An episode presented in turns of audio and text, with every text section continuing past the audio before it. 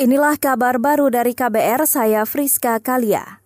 Saudara pemerintah Provinsi Jawa Timur mulai melacak aktivitas enam pasien positif COVID-19 di wilayah tersebut.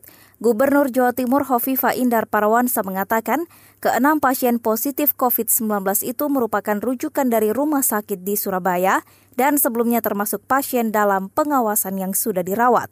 Mereka adalah pasien yang berinisiatif memeriksakan diri karena mengalami sejumlah gejala. Uh, langsung sebetulnya kita sudah menyiapkan secara digital untuk uh, min berapa berkomunikasi dengan siapa uh, di titik mana sudah ada di dalam peta digital di gugus tugas ini tapi mungkin teman-teman kita tidak bisa publish itu tadi Gubernur Jawa Timur Hovifa. Sebelumnya Institute of Tropical Diseases atau ITD Universitas Erlangga menyebut ada enam pasien yang positif virus corona.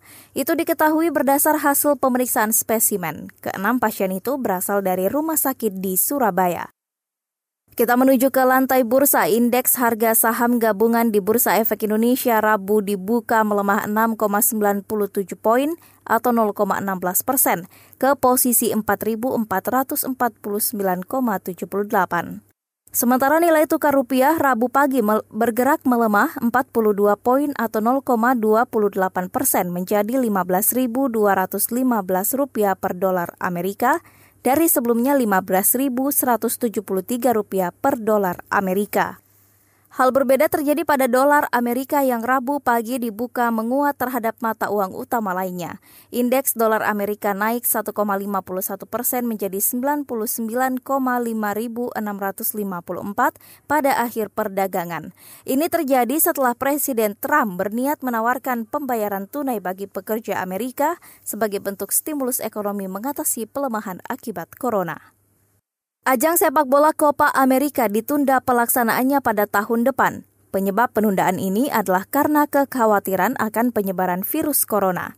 Konfederasi Sepak Bola Amerika Selatan mengatakan, turnamen yang terdiri dari 12 tim ini semula dijadwalkan untuk bertanding pada 12 Juni dan 12 Juli di Kolombia dan Argentina.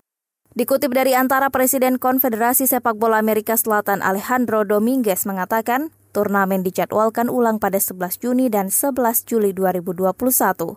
Sebelum penundaan Copa Amerika, Piala Eropa atau Euro 2020 terlebih dahulu ditunda pelaksanaannya.